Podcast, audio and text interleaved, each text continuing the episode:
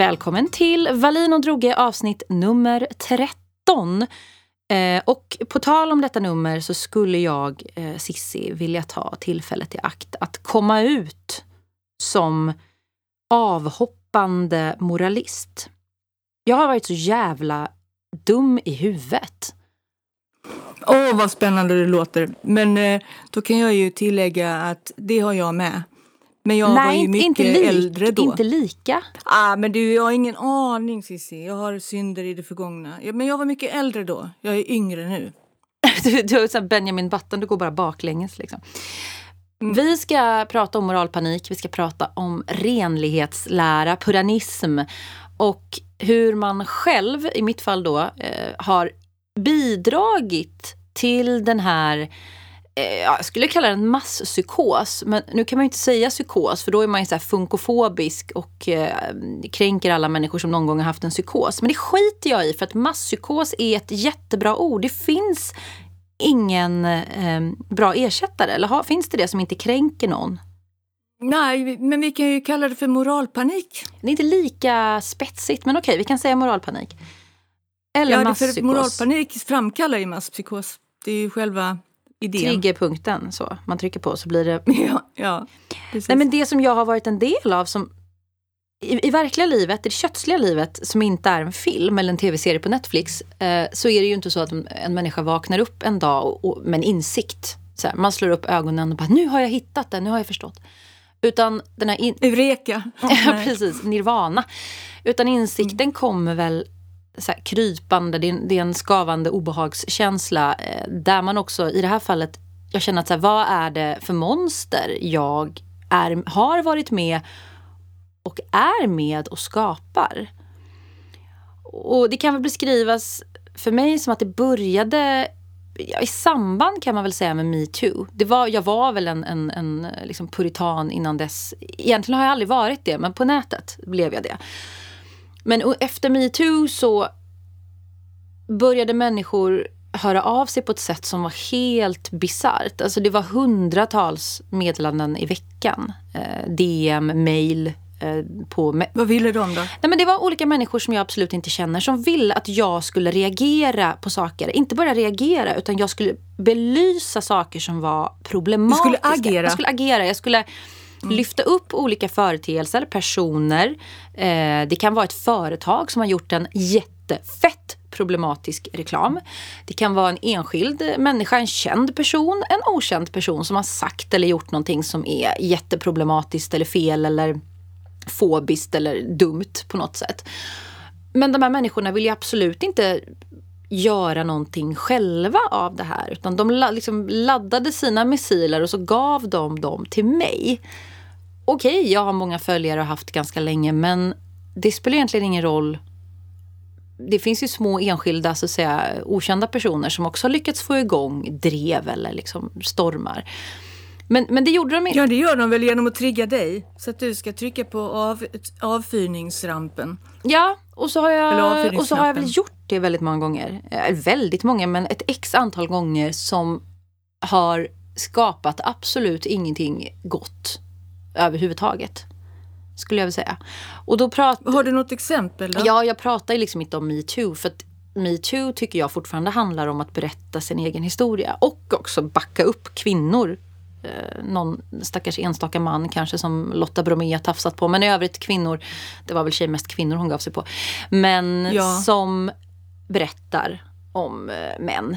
Och det pågår ju fortfarande. Den här unga tjejen som berättade om han rapparen Lorentz det skulle jag absolut inte kalla ett drev för hon hade ju väldigt mycket så här skärmdumpar och eh, hon berättade sin historia om hur en vuxen man liksom groomade ett, eh, en minderårig.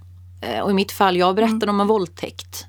Och om andra som inte har en röst som har varit utsatta för samma person. Ja men okej, okay, men var, var, var går liksom den gränsen då? Jo men gränsen har jag väl insett, för mig i alla fall, och kanske för många andra hoppas jag, går väl vid att så här backa upp någon som berättar sin egen historia än att bara sprida eh, missaktning och skitkastning mot någonting någon har sagt eller någon åsikt en annan människa har.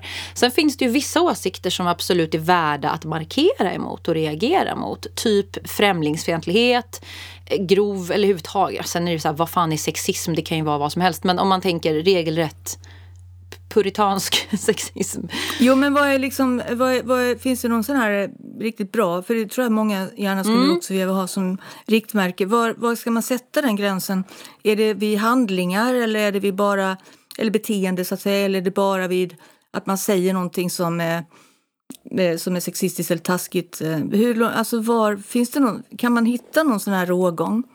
Jag tror man kan hitta en rågång som det är väl såklart så från tråkigt svar, men från fall till fall. Men jag kan väl bara berätta om när jag insåg att jag gick för långt. Eh, jag skrattar, det är en försvarsmekanism för att jag skäms. Nej, men det var ett exempel bara som jag fortfarande tänker på ibland som jag mår dåligt över. Ehm, det var en person eller två personer kanske som jag sett var ett, två år sedan, kan inte komma ihåg exakt, men som skickade en, ehm, ett, en länk till mig, tror jag var på Instagram som visade då en kille som är en tatuerare i någon liten småstad. Typ Norrköping, Nyköping-ish. Nu kommer ah, Norrköping bli jättearga på dig. Och så säger jag att det är en småstad. Norrköping är för fan ingen storstad. Ja, nej, ja, det är en liten... För Norrköping, bor är det det? Ja, ja men, men bara. Men, de, har, de har spårvagnar. Okay. Ja, men det var någon, någon snubbe som hade en tatueringsstudio, en, en liten eh, enskild näringsidkare eh, som hade tatuerat en snubbe då som hade kommit in på hans tatueringsstudio och velat ha en bild på typ sin arm eller sitt lår, jag kommer inte ihåg, men av en kvinna som suger av en man. Alltså en, ett kvinnoansikte som suger av en kuk som hon liksom håller i. Så porrbild ja, liksom? det ville han ha. Ganska blaffigt så här trevligt tatuerat. Han vill aldrig mer kunna söka ett jobb. Eh, och den här tatueraren hade ju gjort den här tatueringen och tyckte väl liksom att den blev fin. Den såg för jävlig ut men han tyckte väl att den var fin. Fast han kanske tyckte det var kul också. Han ja, kanske han kanske liksom tyckte det var jättespexigt så. Så ja. han hade delat den här på sitt Instagramkonto, sitt lilla eh, tatuerings med några hundra följare Instagramkonto. Um, och jag delade det här, eh, en skärmdump då, på, den här, på det här inlägget som man också såg var hans um, tatueringsstudio vad han hette. Jag maskade ingenting. Eh, och så skrev jag väl någon caption som jag inte minns men typ så här, ah, fräsch kvinnosyn eller någonting. Jag mm. uppmanade inte till så här, ah, gör honom hemlös och arbetslös. Men jag liksom gjorde mig lustig och också moraliserade över den här, den här killens eh, konst då. Eh, och det tog ju liksom hus i helvete och folk blev jätteupp... Det är som att trycka på en knapp. Du vet. Folk blir vansinniga. Alltså proportionerna är ju så här, det går så otroligt snabbt från så här, fy fan vad smaklöst till typ han borde dö. Mm. Um, och jag loggade väl ut några timmar och gjorde annat och så kom jag tillbaka till, eh, loggade jag in igen på telefonen och hade fått Eh, jag vet inte om det var dagen efter eller någonting, men hade fått ett DM av någons, inte från honom direkt utan från någon kompis till honom, den här tatueraren. Som berättade att han mådde skitdåligt, att han hade fått dödshot. Um, folk hade hot, liksom skrivit till honom och hängt ut honom på massa olika så här, så här, feministgrupper på Facebook. Det finns ju massa sådana Pink Room och eh, jag vet inte om det var den men det finns ju en miljard såna här grupper med massa brudar som är arga. Vilket i ja, grunden är, som, det är bra med arga spreds, brudar men det spreds, det spreds, men det spreds på massa forum som en präriebrand. Ja. ja. Och de hotade med att komma dit och protestera. Alltså det fick såna enorma proportioner. Och det hade det såklart inte fått ifall inte jag hade lagt ut det här. Det hade inte en, ja, hans närmsta krets som följer honom hade väl tyckt att det var töntigt eller sexistiskt eller roligt. Men när jag la ut det då så blev det en den här faktiskt stackars människan som vad man har för kvinnosyn kan man ju diskutera men förtjänade han det här? Nej, det gjorde han inte. Eh, och den insikten, den kom ju inte då för jag var jävligt trög. Den kom ju långt senare. Så bara, ah, ska jag liksom höra av mig till den här människan och be om ursäkt? Jag kommer inte ens ihåg vad han heter. Jag hittar liksom inte inlägget längre. Så om man lyssnar på det här så får han väl eh, ta till sig då att jag eh, Ja, men jag är jätte... Ja, vad heter han? Jag kommer inte ihåg vad han heter. Beng, Beng statuerade Hörde oss. Ja, men jag vet inte hur jag ska så, hitta det här heller. Detta är en ursäkt, en offentlig ursäkt. Det är, så jävla, det, det, är ganska länge sedan så jag kan liksom inte, jag kan scrolla igenom mitt flöde men det kommer ta tre dagar. Poängen är väl att jag tror inte att han liksom blev arbetslös och hemlös av det här. Men att som en liten enskild person, liten som i att säga jag är inte en kändis, jag har inte valt att vara en kändis. Bli uthängd för att man har gjort, i det här fallet, ett jobb. Eh, vad fan? Ja, det var en beställning dessutom. Ja men det är väl jävligt privilegierat att kunna säga nej jag tatuerar inte en sån här bild för att eh, det går emot mina moraliska principer. Han behövde väl de här pengarna. Okej att man säger nej till ett hakkors, det är en annan grej men en vad ska man dra gränsen då? Ska han inte tatuera pinuppor som har liksom en naken röv, håller sig själv om pattarna? Som en sån här kitsch, ja precis. Ja. Eh, så att, på, oavsett så här, vad fanns det för poäng för mig att hänga ut det här? Vad var det jag ville? Men varför gjorde du det då? Om du kommer ihåg det just när du precis när du tryckte på publicera. Vad, vad tänkte du då att det, det svinet liksom man ska verkligen få äta upp det här? Eller vad, jag tror att jag drabbades av den här klassiska eh, sjukan som man lätt får i sociala medier uppenbarligen. Den här avhumaniseringen. Avhumaniseringssjukan. Att mm. det här mm. var inte en människa för mig som eh, kunde ha känslor och att det ska råda någon form av proportionerlig eh, liksom skala kring kritik. Utan Nej, jag, tänkte, jag tänker väldigt sällan eh, den jäveln ska skjutas. Det har jag väl tänkt om våldtäktsmän som jag vet om. Eller själva, en av dem som jag själv har blivit drabbad av. Eh, ibland. Men vad tänkte, Men i det här fallet. Lindeborg, hon låtsas ju att hon bara blev ivägsvept. Och vad sa du? Hon skyller lite grann på det. Jag tänker på Åsa Linderborg som har gjort lite avbön att hon deltog i det här hemska drevet mot Benny Fredriksson. Att hon, liksom blev i, hon blev på något sätt insvept. Hon sveptes iväg av stämningarna och, och det här. Hon skyller på det. Jag mm. menar, vad, vad, vad, vad är det egentligen som gör att, att en person som, som du, du vet ju att du har en stor plattform eh, skickar en sån grej. Var du, var du övertygad om att det var helt äckligt det han hade gjort? Eller vad fick det att... Jag, jag är intresserad faktiskt att veta var händer det när man bestämmer sig. Det beslutet, för det är väl ofta ganska snabba beslut. Det är snabba beslut. Vad är det som föregår ja, det? Skillnaden med Åsa Linderborg är väl att hon eh, var en högt uppsatt chef på Nordens största tidning som tog ett väldigt genomtänkt, alltså det här var ju inget hon kom på på en eftermiddag, så här, nu ska jag hänga ut en person som en... Nej men de skyller ju på det. Att det Nej men alltså det var ju, slags... det var ju källgranskning hoppas jag, att de gick igenom de här anklagelserna mot Benny Fredriksson och gjorde en överväg, alltså när man sitter på sociala nej, medier. Jag, tror, jag menar att vi behöver inte ta hennes nej, nej, men jag ska bara, jag bara, jag ska bara hon, skilja. Hon använder sig av det som ett argument Absolut. att hon, hon lät sig svepas med. Men jag, det håller ju inte riktigt när man är, publi alltså när man är eh, nej, precis, publicist men vad, på vad det det sättet. Gjorde, på ett annat om man nu ska försöka bara, ja, men om man bara försöker titta på det, för det är ju väldigt många som gör så här, det lilla, den lilla, lilla betänketiden man har. Mm. Vad är det som gör att man liksom så här tippar över? Är det, hinner man, vad hinner man tänka? Det är det jag undrar. Jag tror att... Eller vad han du tänka? Nej, jag, jag var impulsiv. Det kan jag vara. Det är ett, en akilleshäl. mest mest till, min, till min nackdel.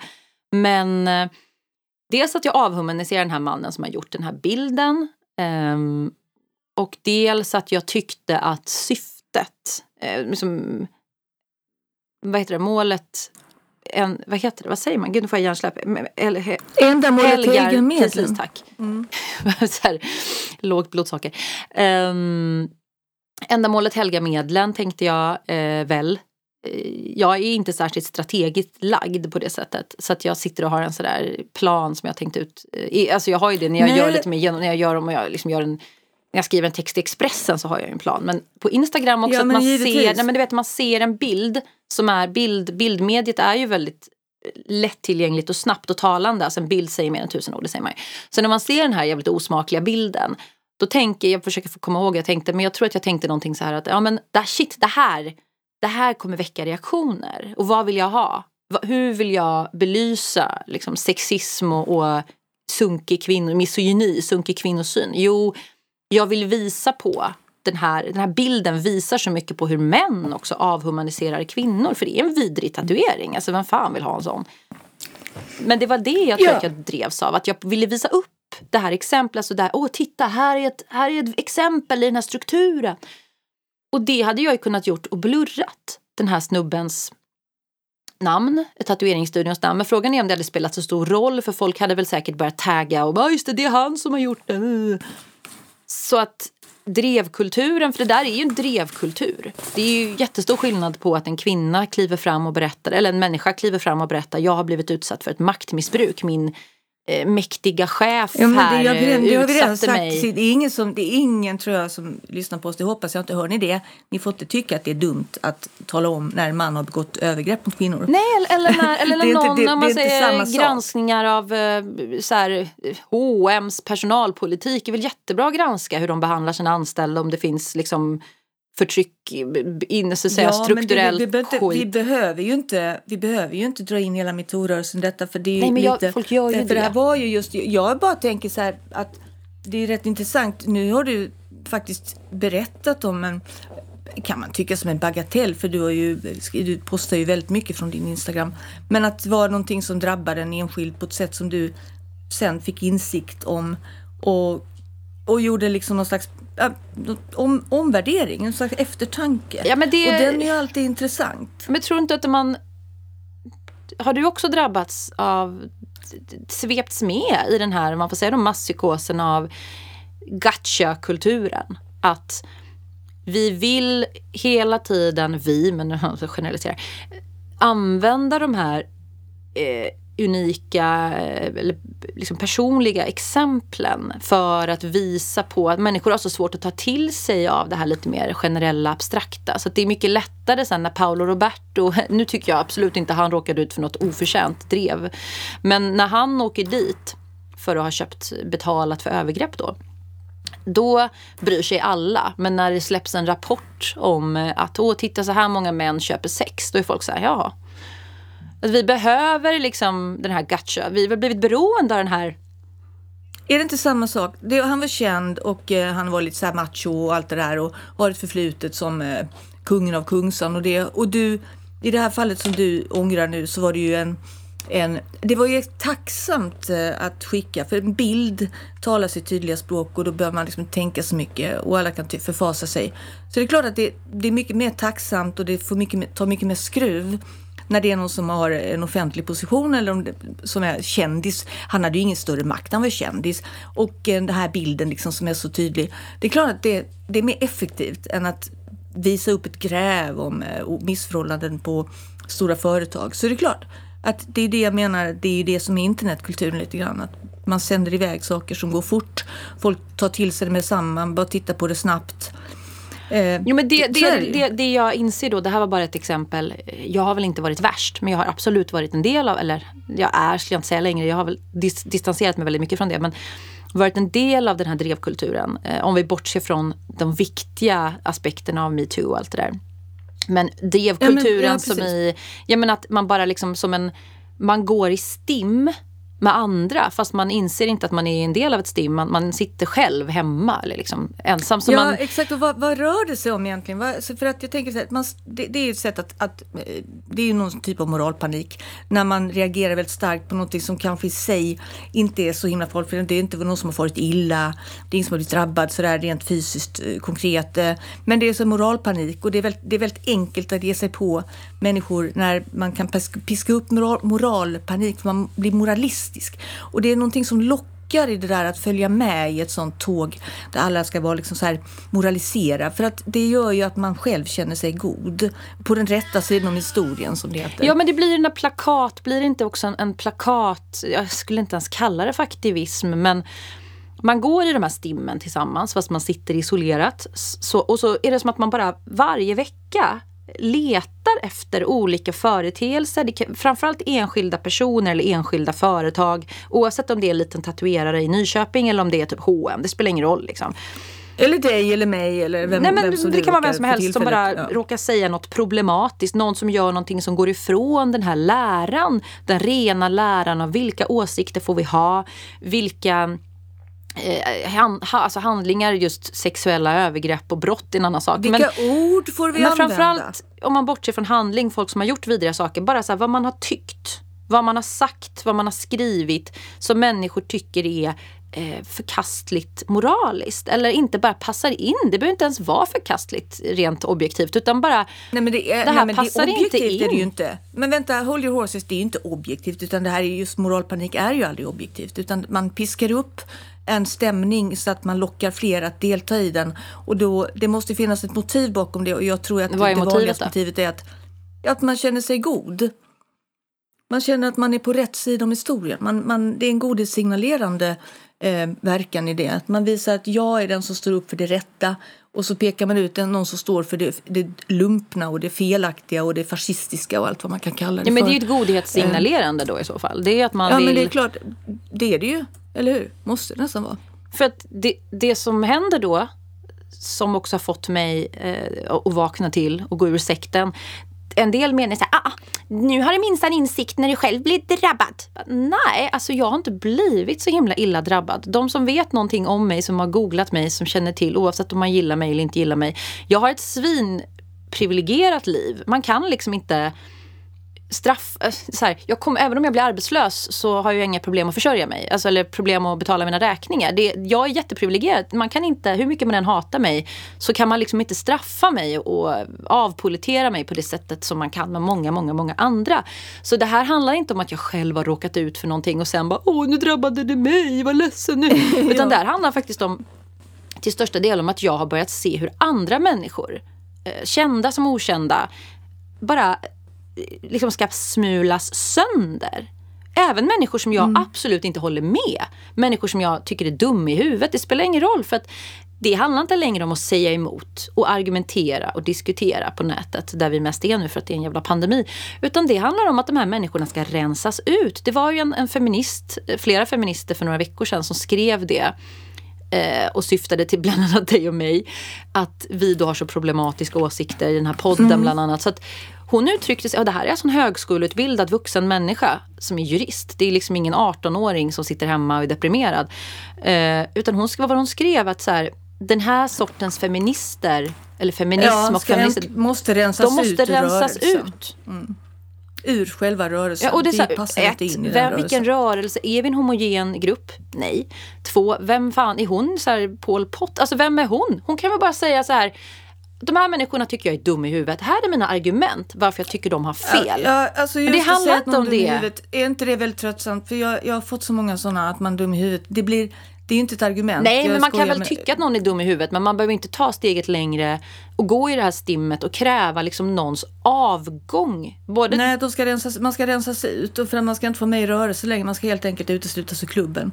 Och det är ju det vi har pratat om flera gånger. Att, att det, det är det, den metoden att rensa ut. Det är ju väldigt otrevligt för vi vet ju alla vad utrensningar leder till. Vad leder det till? Eh, men de använder helt of- oförblommerat sådana termer. vad tycker du, vad leder utrensningar till? Om, om man nu faktiskt... Ja, det har vi väl sett vad utrensningar alltid... Det är ju en väldigt negativ klang kring det Jo, men jag menar i en demokrati. Alltså, jag menar inte liksom Nordkorea. Nej, men i en demok- vi, kan, vi kan inte vara så himla säkra på om vi har kvar den här så kallade demokratin eh, som vi inte riktigt har definierat. Men alltså, det är ju inte så att det här är något väldigt demokratiskt att vilja rensa ut någonting ur den åsiktsflora eller den yttrandefrihet vi har.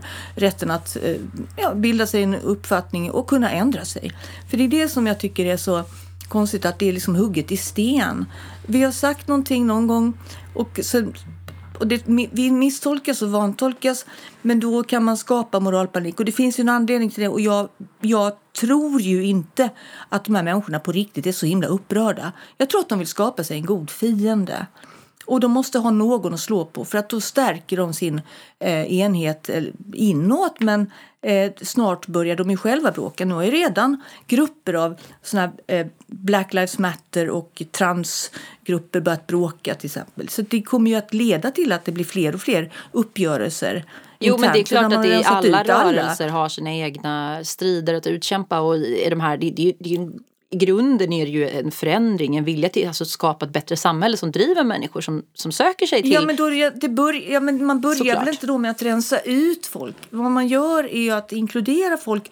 Och det pratas ju väldigt mycket om inkludering från de läger som är så intresserade av utrensningar. Jag kan inte riktigt få ihop det där. Nej men det, Men- nej, förlåt, jag måste bara säga att det är fantastiskt att man, man vill ha den här man vill ha den här paletten visuellt. Du ska få, jag ska bara bryta dig lite, förlåt.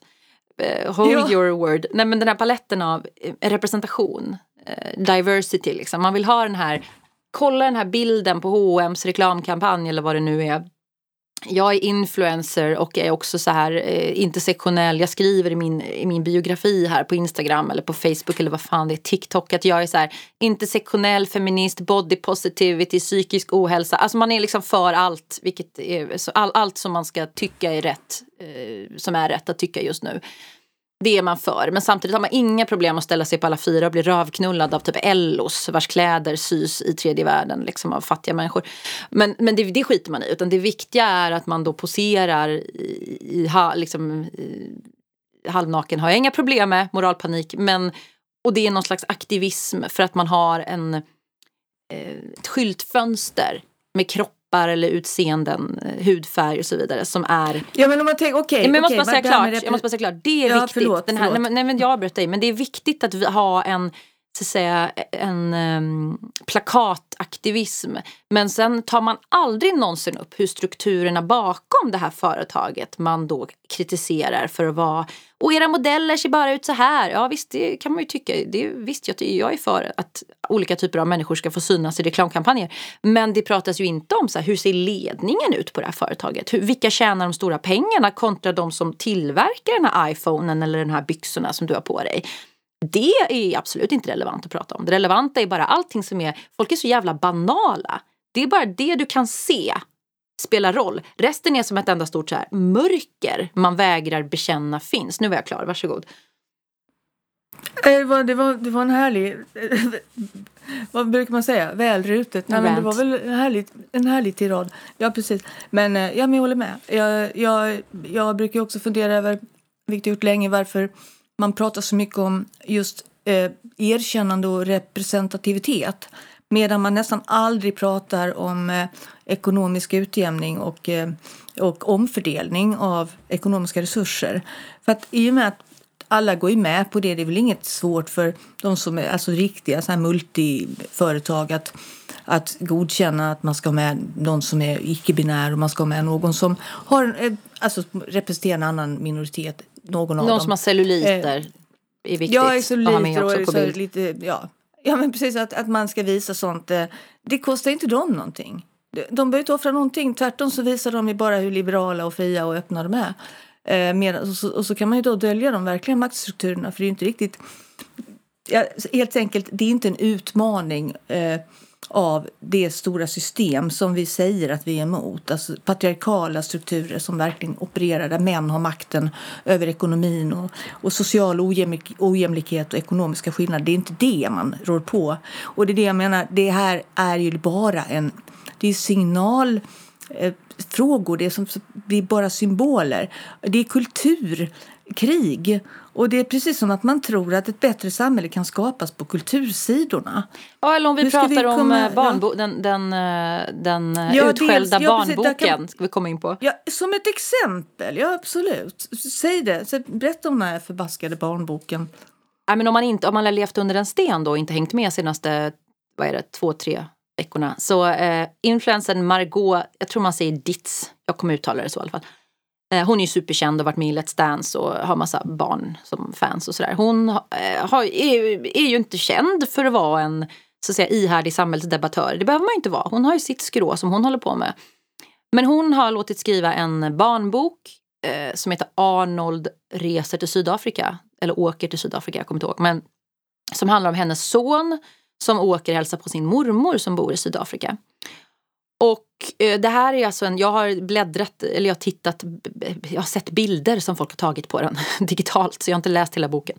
Men det, du har ju tittat i den också. Det är alltså en, en väldigt, det är en pekbok kan man säga för väldigt små barn. Väldigt små barn. Det är inte ja. sådär litteratur för mellanstadiebarn utan det är en illustratör, någon brud som har gjort bilder på det här barnet och hans familj och så är det några vilda djur eller på safari då i Sydafrika.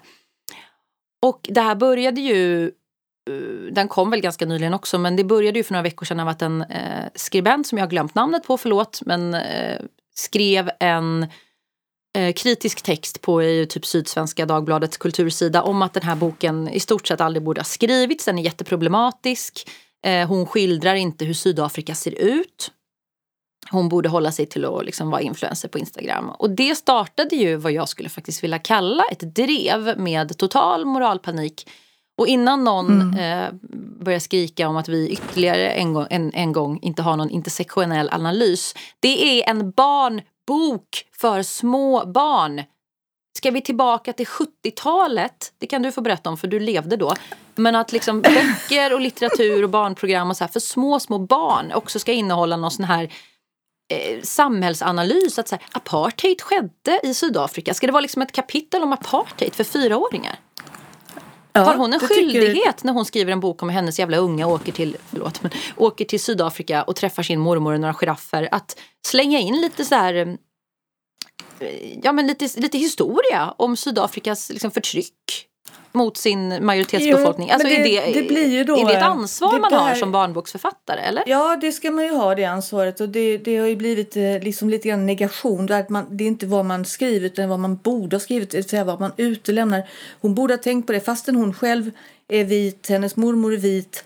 Och hon borde väl veta hur det är att vara, alltså hon kan väl sitt Sydafrika utifrån det perspektivet men det godkänns ju inte för att det finns ju ett annat perspektiv. Och visst är det förfärligt med det, den apartheid som har förekommit och fortfarande gör i Sydafrika. Men det är väl liksom inte riktigt det hon, hon beskriver den verkligheten.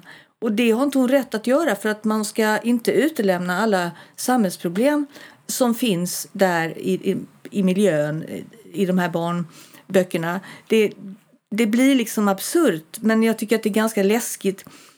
70-talets eh, barnboksflora den handlar ju väldigt mycket om Pelles pappa eh, arbetar på fabrik skriven av folk som naturligtvis inte hade arbetat på fabrik själva. Men de bodde i, det var så här, på Södermalm. Ja, det var så här, ja precis. Social Eller då var inte Södermalm, då bodde de på, då bodde på Lidingö. Ja, men det var så här, arbeta, så här, skiftnycklar, det var så Beiron i ottan ungefär. Arbetarställ, skiftnycklar och så här riktigt så här arbetarromantik och så var det Pelles pappa och mamma ska skiljas.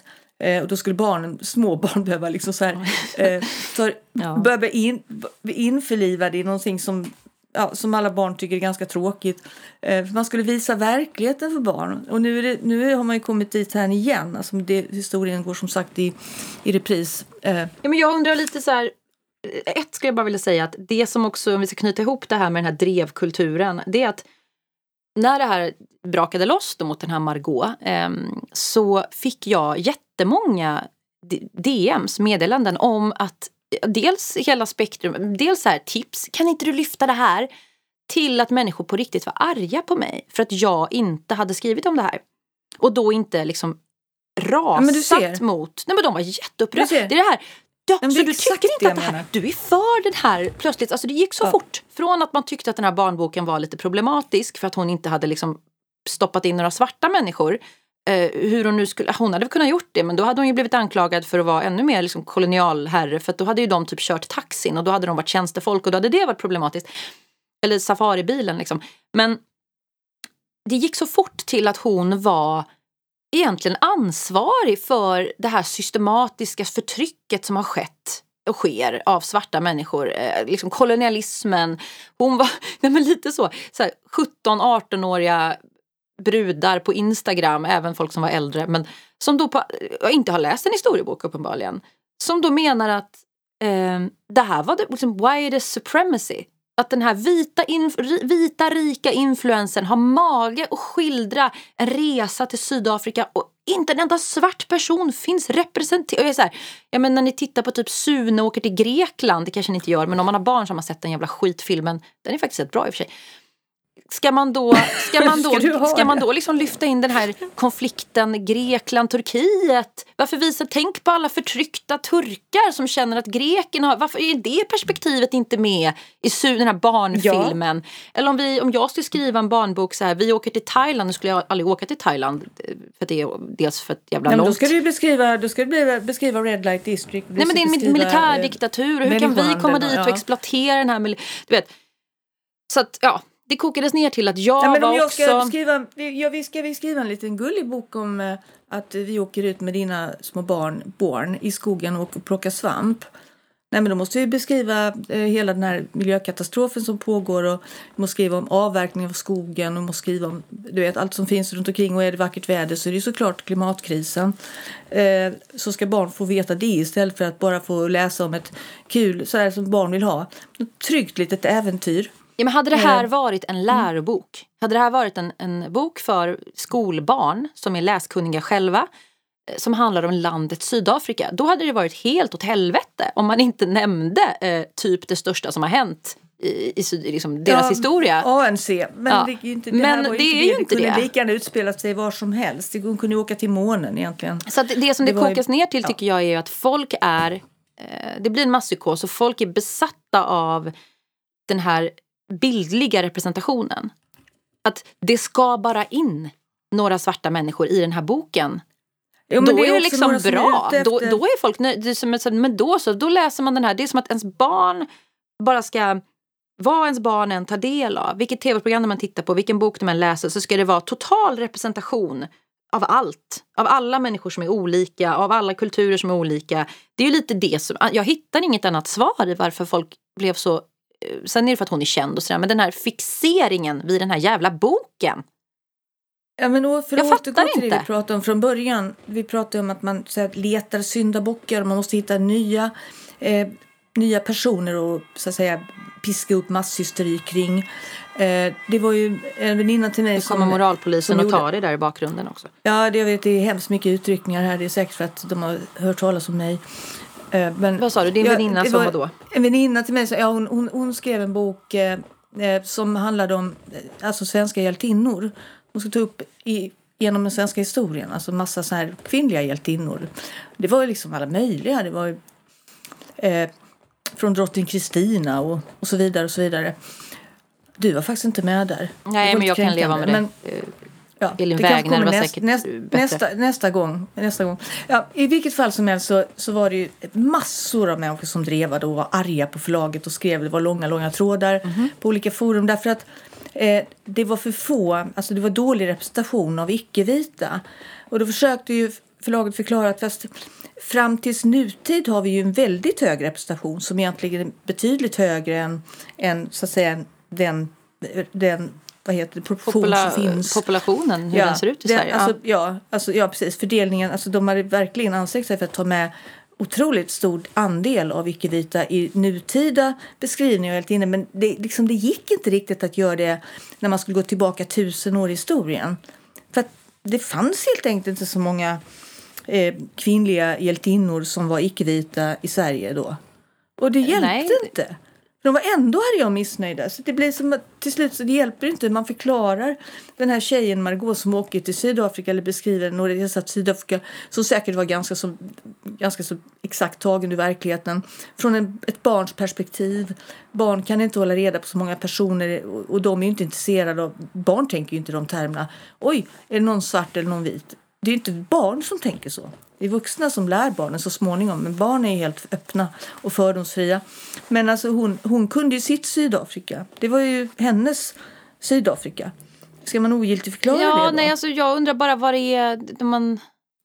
Knäckfrågan är ju vad är det de här människorna som tycker det här är så otroligt upprörande och på något sätt är kärnfrågan i liksom, världen kring strukturellt förtryck eller rasism eller liksom, skev representation.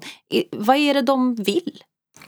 Ja, vad vill de? För att för det, De det vill att den här boken ska att- brännas eller man kan inte bara Ja, tänka den så här, då aldrig- skiter jag i att läsa den till mina till. barn. Eller liksom, Den borde aldrig ha kommit till.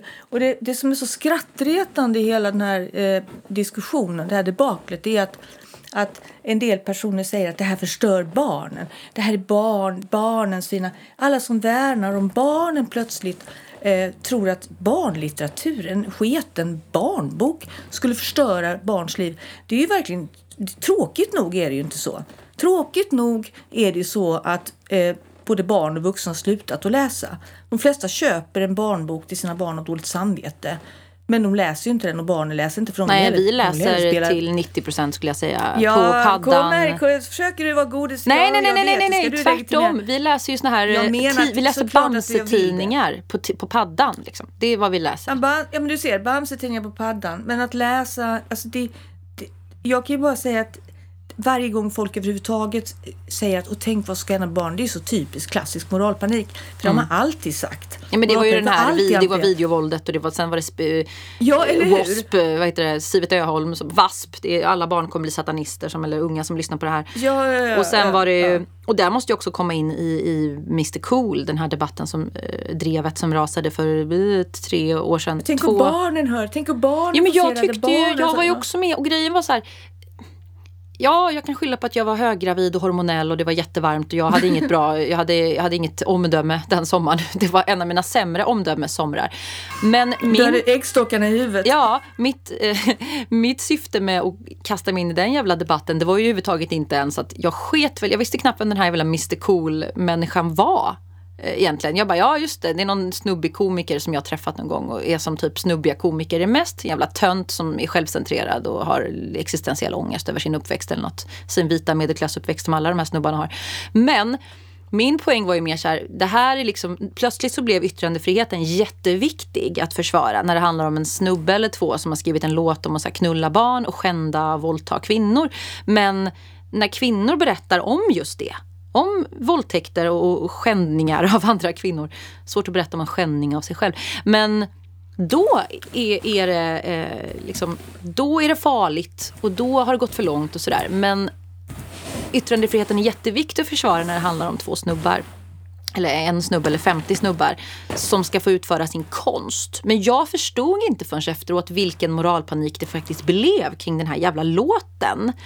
Eh, och jag var så här, ah, det är väl kanske inte så jävla bra att den finns på Spotify. Men nu tänker jag mer, vad fan spelar det för roll? Vad tänkte du då? då? Tänkte du så här, stackars barn? Ja, nej, men jag tänkte väl att om barn som har blivit utsatta för sexuella övergrepp, vilket är ganska många tyvärr, eh, exponeras Verkligen. för de här, den här låten. Eh, liksom lite så här, du vet, den bara ploppar upp liksom i, i flödet. Det kan ju vara så att, har du hört den här? Man får ju så tips beroende på algoritmer och sådär. Ehm, det är kanske inte så kul. Man kanske ska hålla men, reda på vad barnen kollar på. Ja, men då kan jag ju tycka idag att det är föräldrarnas ansvar. Att, mm. att liksom rensa sina barns Spotify. Det är inte, det är inte kulturen som ska, ska rensas ut. Um, Nej, det var väl ganska plump och dålig. Jag tror inte att det, det var väl ingen så här höjdare. Det var ingen typ som man kallar verkshöjd. Och det var väl som jag har förstått inte den här Margaux bok heller. Nej men det här blir ju så Barbara Streisand effekt. Alltså att ja. det kommer ifrån att hon hade ett hus, har ett hus, jag vet inte, någonstans i typ Hawaii. Som hon då inte ville att man skulle ta drönarbilder på eller så här, flygfoton på. Och det resulterade i att det blev typ årets mest sökta bild i året. Att hon ville så här, fota inte mitt hus, titta inte på mig. Och så gjorde alla det. Liksom.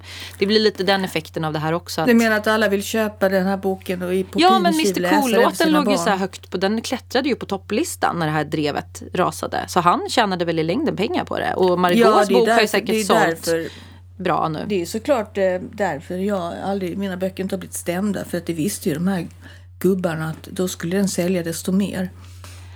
Så det är klart att man, man hjälper ju till. För det talar ju sitt tydliga språk. För det innebär ju också att eh, man har inte alla med sig i sådana här drev. Utan det är ju eh, begränsat. Men tror du, om vi pratar om, om orsak och samband här. Nej, men om vi pratar om drivkraften, vad det än handlar om. Att gå i de här stimmen och, och nästan ha som gärning på internet. Att leta efter saker, företeelser, uttalanden, bilder. Att liksom förfasa sig och pan- moralpanika över. Är det någon psykisk ohälsa? Är det den här liksom, som Hanne Kjöller skrev, vad var hon skrev som var jag tycker hon är man, komplett dum i huvudet. Men hon...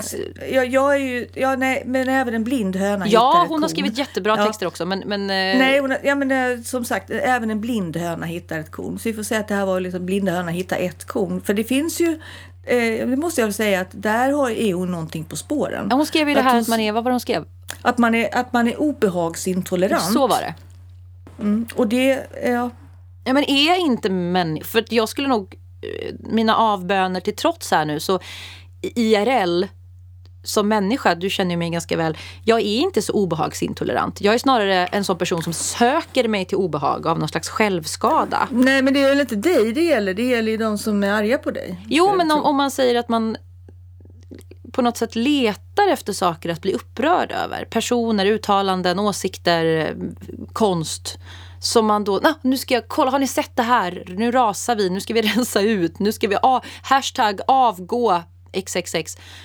Det kommer väl från någon slags min, min eh, hobbypsykoanalys är väl att vi har en hel generation unga framförallt, generation Z då, de är lite yngre än mig, jag klarar mig, som eh, har blivit uppfostrade i en sån anda att ingenting egentligen får vara obehagligt. Ingenting får vara eh, lite jobbigt och li ha lite friktion. Nu menar jag såklart inte alla, men väldigt många har blivit fostrade till att man hela tiden ska få sina känslor och, och sina upplevelser bekräftade. Ens egna högst subjektiva känslor är allmän sanning. Alla andra ska anpassa sig. Det är, så här, det är ett otryggt rum för dig. Här är, inte, här är inget safe space. Det har vi ju pratat om med triggervarningar och sådär. Men jag menar, det här är människor som ändå för det mesta har nått vuxen ålder. Och då är det ju lite svårt att, att bara förklara det med att de skulle vara... Eller det, känns ju inte som att det är heltäckande. Jag tror snarare att det här är ett väldigt enkelt sätt för dem man stöter sig inte med så många. Du pekar ut en syndabock precis som de här Qanon, du vet den här mm. hemska sekten eh, som har bildats i USA med massa så här eh, ja, vitt slödder ska man säga. Men, äh, det är svarta också med i den rörelsen, väldigt många faktiskt. Men tråkigt nog så är det på något sätt samma, kanske samma eh, bas, väljarbas som SD har fått. Alltså de svikna. Man får se det från den sidan också. Det är de svikna.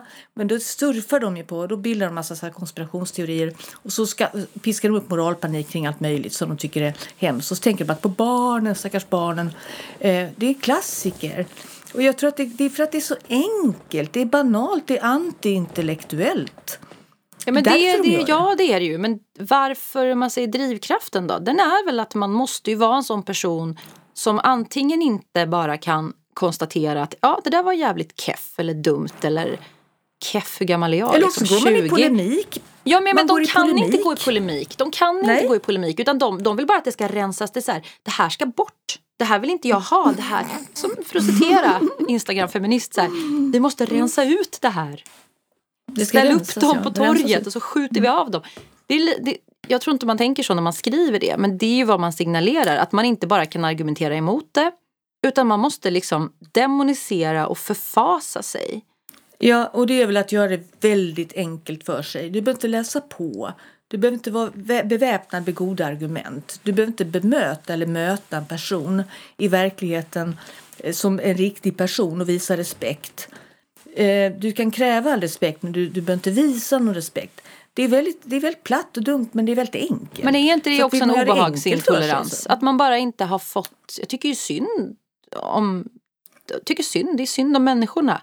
Att de inte har fått det med sig någonstans i livet. Att det, det är lite obehagligt ibland och då får man, har man egentligen två val. Antingen går man därifrån och vänder andra kinden eller så bemöter man det och tar fighten. Och fighten är ju att man då argumenterar emot och säger vad fan håller du på med? Eller jag håller inte med eh, för att. Nej, alltså det, Va, vad, är, vad, är liksom, vad, vad kommer den här viljan av att, att tro att man ska kunna avplattforma vi ska prata lite om Susanne Moore innan vi slutar, men, så vi knyter mm. ihop det. Men liksom avplattforma, man ska gå ihop, man ska gå i grupp, man ska skriva så här namninsamlingar och upprop, uppror. Nej, men vi kräver, liksom. vi kräver att den här personen, för precis det här hände, du ska få berätta men jag ska bara göra en liten brygga här. Brittisk journalist som heter Susan Moore som har skrivit för tidningen The Guardian i många år. Eh, Guardian är ju liksom en vänster, socialistisk kan man väl säga. Det, det, det är ju inte, liksom inte ja, en... Eller? Det är väl lite att ta i men den är väl, den, jämför den med DN fast den är betydligt större. men DN är ju lite mer liberal. Också. Ja, men den är i alla fall inte ja. liksom, den är inte höger, den är inte så Nej, här, den är PK. Eh, precis, den är PK, den är woke. Um, de lät ju henne nu, hon är ju det är inte en purung person. Hon är erfaren, hon har vunnit priser. Eh, hon blev ju alltså borttvingad egentligen. Utmobbad och borttvingad alldeles nyligen från sitt jobb, sitt frilansuppdrag på The Guardian. För att man tyckte internt, massa olika människor, över 330 personer gick samman ja. på den här arbetsplatsen. Det är väl flera tidningar som är under samma liksom, paraply. Alltså hela koncernen. Kan inte du berätta lite, vad, vad, vad, hade hon stått och heilat? Hade hon skrikit att vissa grupper borde brännas? Vad, vad hade Susanne Moore gjort för att förtjäna den här utrensningen av sig själv? Ja, hon hade skrivit, eh, hon är, hon är ju som sagt en väldigt luttrad och erfaren skribent och har jobbat på flera olika stora drakar. Men eh, hon har skrivit om eh, klass, hon har skrivit om feminism och kvinnofrågor.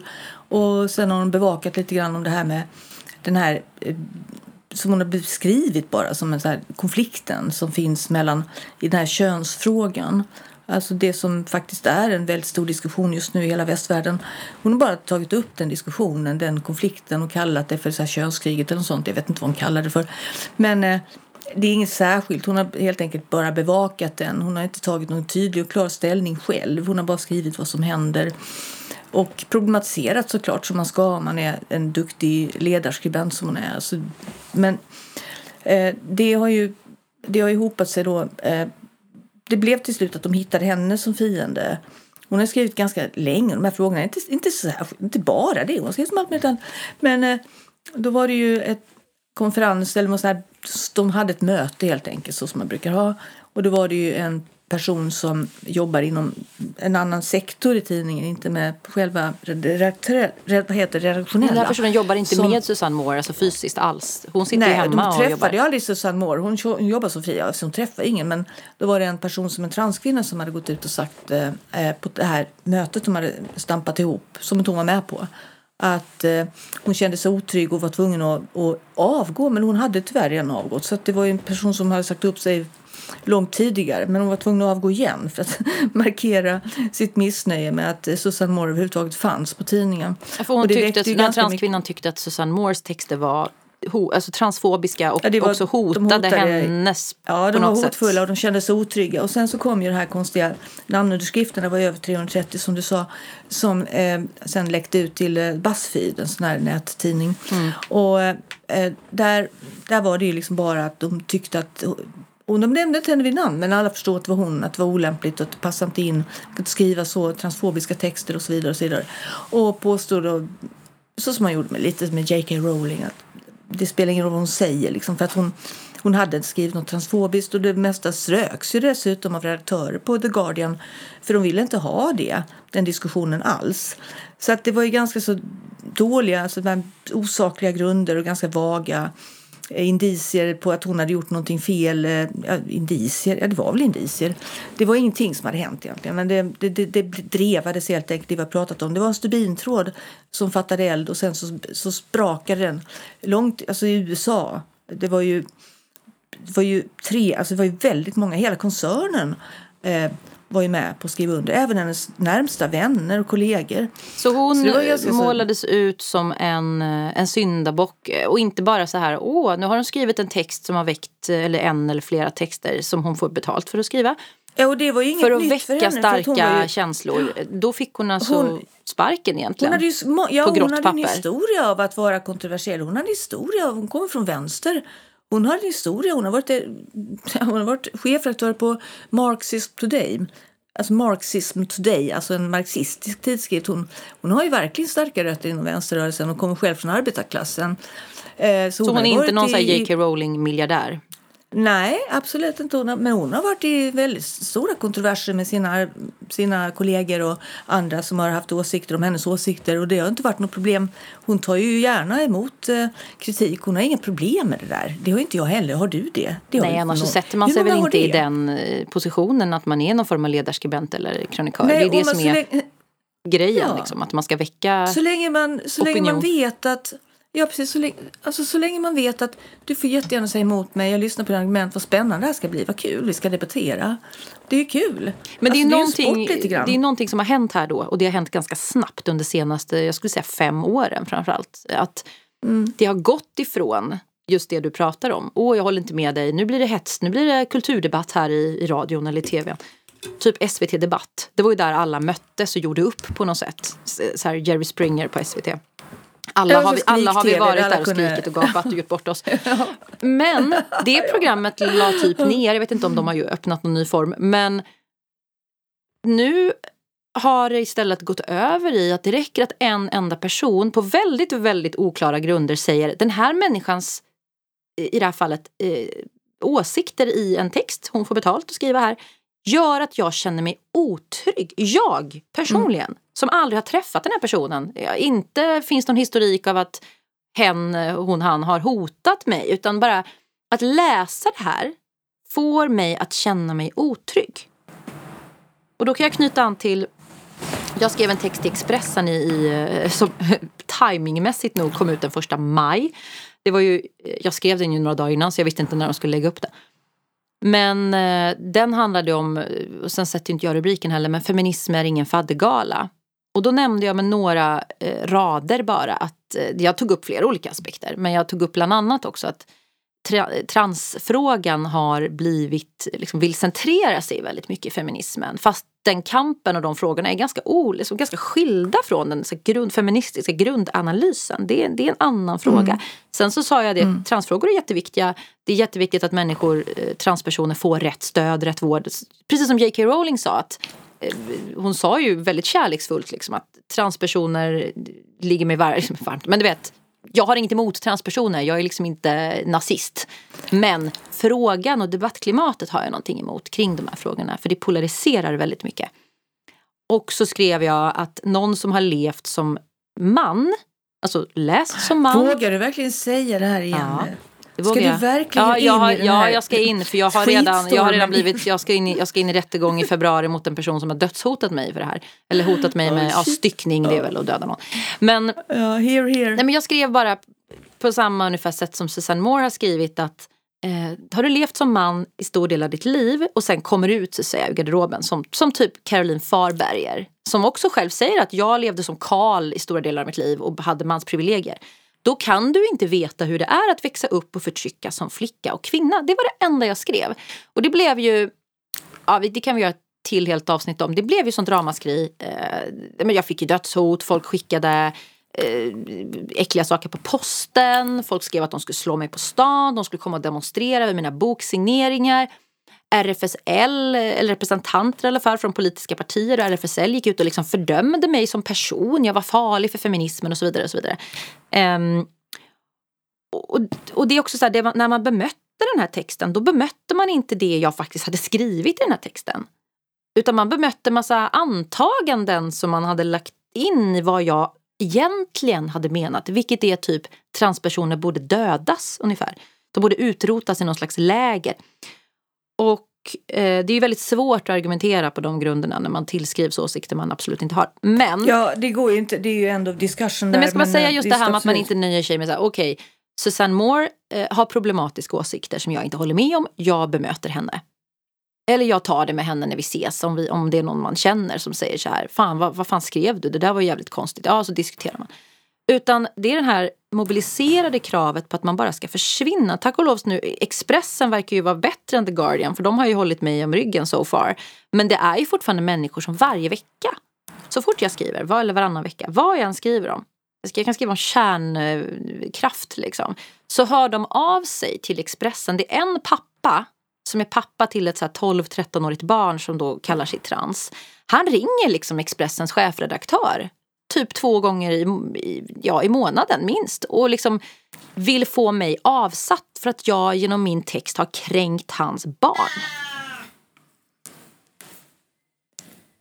Och det här är alltså, det här är på riktigt. Det här är inte, eller han är ju uppenbarligen inte frisk, men, men det händer. Och, och använda dem, då kommer vi tillbaka till tänk på barnen. Och hade jag haft otur och haft en mer ängslig publisher, då hade jag ju rykt. Då, fick, då får inte jag vara kvar, för då skapar jag otrygghet hos barn genom att skriva om vissa frågor.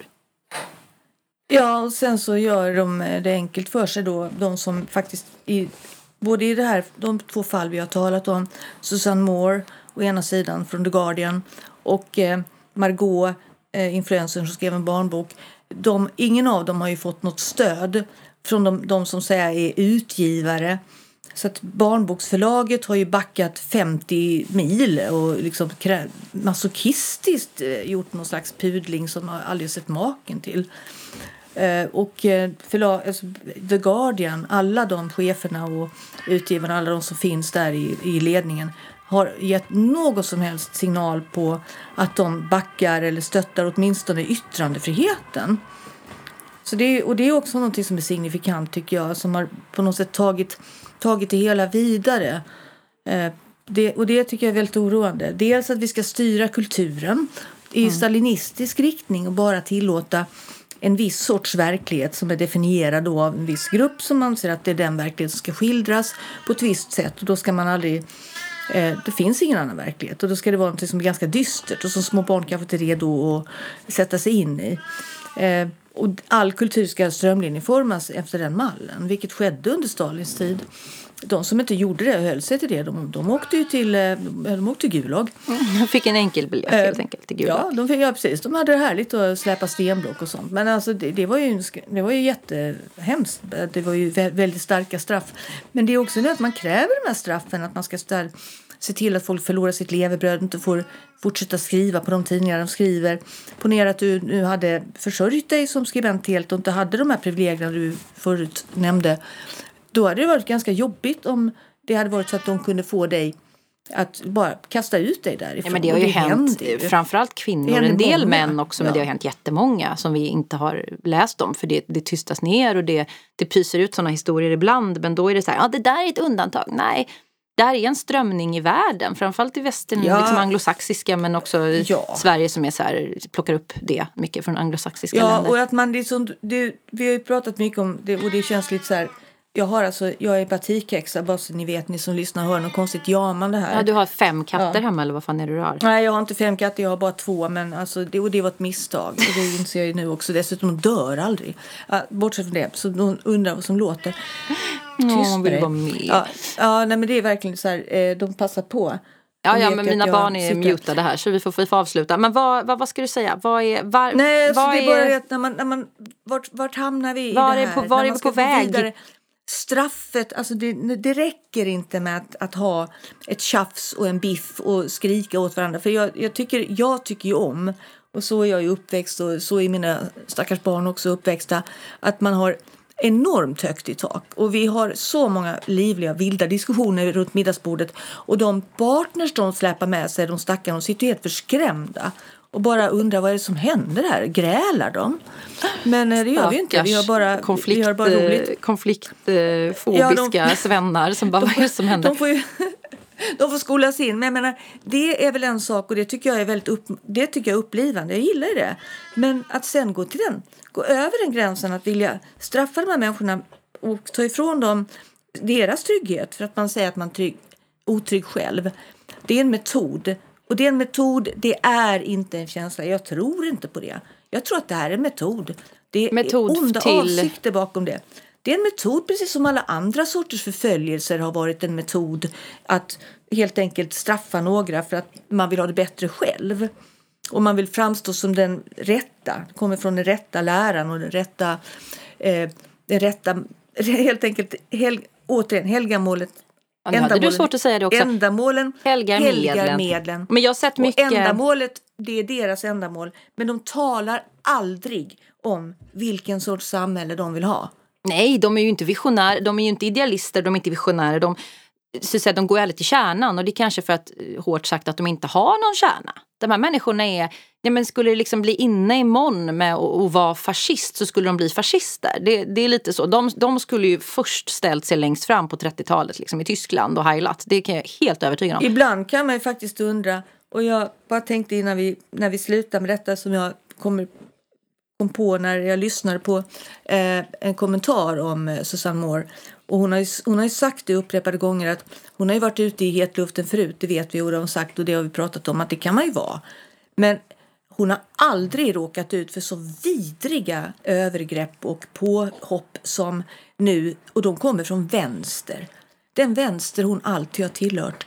Är det den vänstern hon har tillhört? Eller vad har hänt? Vi har ju, har vi, vi har ju pratat om det här med det goda hatet och det säger ju vissa en högerretorik ja. men jag vet inte vad man ska kalla det annars. Det, det, det är ju sådana som då tycker, det kan vi göra en timme till för nästa avsnitt om, men de som tycker då att förtryck baseras bara på en jävligt subjektiv känsla. Det finns ingen så materiell grund för förtryck längre. Att ja, du är svart, därför är du förtryckt. Eller du är fattig, därför är du förtryckt. Utan du kan vara en liksom eh, skitnormsnygg brud, en vit tjej med en bostadsrätt på Södermalm som känner dig jätteförtryckt. För att du... Är det det som är den nya vänstern? För att du liksom för, upplever för, att du tillhör en minoritet. Du, du är icke-binär, du är genderfluid och det kan man väl få ja, vara hur mycket det, man vill. Är det det som är, är det, det kan man få vara hur mycket man vänstern? vill. Men det betyder inte att du då per se är en, tillhör en förtryckt grupp. Det betyder inte Men det. är det, är det, är det vänstern? Ja, är de vänstern? är vänster. Vänster de, som... de kallar sig vänster. De, kallar sig, de, Ja, de vad- rabblar ju upp allt det här någonting. man ska... Allt det här, det finns väl en gammelvänster då, en nyvänster, jag vet inte. Men de rabblar ju upp allt det här. Det är det som också kallas för identitetsvänstern. Eller identitetspolit, alltså identitetspolitiken. Ja, och det, ja, men hur kan du förklara då att vi som också kommer med rötter från vänstern och sympati och hjärta till vänster och allt det här blir ansatta för en, ett drev och, och alltså, eh, förföljelse, riktiga så här, hot och, och angrepp som jag aldrig har sett maken till fastän jag är ganska luttrad och det är du också. Man har råkat ut för de här vita kränkta männen, man har råkat ut för de här högerreaktionära idioterna som sitter och, Ja, ja. och vrålhatar och kallar för jag allt fått möjligt. jag har hotbrev av nynazister och allt möjligt. Ja, eller hur? Ja, jag också. Jag Jättedåligt skrivna, särskrivna hotbrev på posten. Där man säger, jag vet var du bor. Ja, det är klart du vet eftersom du har skickat det här jag har brevet fått till mig. handskrivna brev från de här människorna, NMR. Men, men jag tror fan aldrig jag har varit med om maken till vidriga angrepp eh, sen nu senast. Innan dess alltså. För att de som har kommit nu, de kommer från vänstern. De kommer från vänster och de som kallar sig vänster. Och det är det jag tycker är så förfärande. Det säger den här Susanne Moore också att det är så va- vansinnigt konstigt för henne. Jag pratade att de här faktiskt med henne igår. från vänstern. Jag skrev, Ja, vad jag sa- skrev faktiskt lite sa med henne igår. om det då? Ja, vi pratade lite kort på i Messenger. Men hon sa, eller vi var väl båda överens om att eh, we've reached a tipping point. Att eh, det här är ett skifte nu, en brytpunkt när den här det här wokeriet och identitetspolitiken och det, faktiskt de här fascistoida strömningarna. Att man rensar ut bland sina egna som inte har exakt den rätta rena läran och också att folk är helt blinda för fakta. Fakta, vetenskap och så vidare spelar ingen roll längre. Utan det är bara den personliga upplevelsen av att det är otryggt, att man är förtryckt. Eh, spelar ingen roll, du behöver inte förklara hur. Du ska bara, nu förtrycker du mig, jag känner mig otrygg av dig och då blir en annan person ett så pass stort problem Ja, att man liksom ska stänga ner den människan. Eh, Så att hon, hennes tanke var ju också att nej men vi, tack, hon var ganska så här, hon sa att det var skitjobbigt, jag har fått jättemycket hot men jag har också fått väldigt mycket stöd. Ehm, och det var ju skönt. Ja, det är bara tr- det tråkiga att fram tills nu har det här stödet uh, hållit sig stilla. Ja, men det är för att, För att alla som säger inte- ifrån. De All... vågar inte gå ut öppet med Nej, det. för folk blir ju DM hotade. Hur många DM har inte du fått av människor som säger jag stöttar dig, jag backar hur dig, många men som jag säga det öppet. Hur många som helst. Ja, eller hur? Och Men det är betyder den- ju inte att de det det stöttar mig. nu. Ja, det betyder och det är också, folk har tack och lov slutat skriva i större utsträckning det här. Jag tycker, jag håller inte med dig om allt, men. För det är så här, nej vem fan gör det? Håller Nej, men det är inte det det handlar om. Nej, men de vågar säga så här att trots att vi kanske står på helt olika politiska så att säga, platser, trots att vi har massa olika åsikter i sakfrågor, så är många överens om att det här är inte demokratiskt. Det är inte demokratiskt precis. att försöka få någon eh, bara för att de har fel åsikter i vissa frågor, egna analyser som inte går i liksom, linje med vad någon slags allmän eh, så att säga, wokerism säger. Du ska bli av med ditt jobb, du ska inte få synas mer, du ska avgå, du ska stängas ner, du ska hotas, du ska våldtäktshotas. Eh, antalet våldtäktshot jag har fått av människor i transcommunityt sen jag skrev den här texten. Jag kan, eh, jag kan räkna ihop dem. Jag har, aldrig, jag, har inte ens, jag har inte ens fått det. Jag har fått det av några såna vita kränkta män men Man får ju inte det från vita kränkta samma, män. Man inte kan dem utan utsträckning. till. Man, Jag har fått precis, mer. ser ut. Jag har fått mer sånt sen jag skrev och började skriva om kön. Precis Ja. som Susanne Moore. Mer så här, Ja. du förtjänar att straffknullas. Hoppas du får Ja, det en elakaste och de girl allra dick down your infama. throat och sånt. Och det är ju inte bara det, utan de allra mest så här, uttänkta elakheterna. Jag har aldrig sett maken till det, har jag ju fått nu, från vänsterhåll. De som påstår att de är vänster, som vill att vi ska rensas ut från rörelsen. Ja, men det är Det är ju också att du är, jag- du, de går på din, dina hundar, hur du är som eh, hundägare. De Ja, går på din, ditt alltså, utseende, din ålder, att du skulle vara dement. dement. Alltså, de du är alkoholiserad, du är heroinist. Skulle det vara roligt? Jag är heroinist. Någon av de här wokeristerna skrev att du var heroinist. Jag bara, Tänk, om jag, tänk om jag hade varit det då? Alltså är det någonting att skoja om själva? ja, det är väl jättehemskt. att- Ja. Får de väl skicka över lite Nej, ju- metadon då om de bryr sig sig. Någon jävla omtanke kan man ju visa en heroinist. Ja, nej men alltså det, det är verkligen så här, de angreppen är mycket, mycket värre och mycket mer uttänkta. Och eh, det, det är någonting som jag tycker, alltså som är på något sätt en skiljelinje i den vänster som jag kände den och den så kallade vänster som idag har tagit över. Eh, och jag tror inte ett skit på att de är rädda eller ängsliga eller otrygga eller eh, vad heter det, Bero, vad heter det nu det här eh, Anne Kjöller-begreppet? Eh, inte, obehagsintoleranta. obehagsintoleranta. Jag ska bara avsluta ja, med att, jag ska bara avsluta med att avbryta dig igen. Sorry. Eh, ja, men vi kan sluta nu tycker jag. Ja. jag. Tycker, jag vill bara säga att man kan ändra sig. Och du, vi började med det. Man kan ändra sig också. De behöver inte vara så himla rädda. Saker och ting löser sig. Ta en toj, ta det lugnt. Kommer du ihåg den gamla reklamen?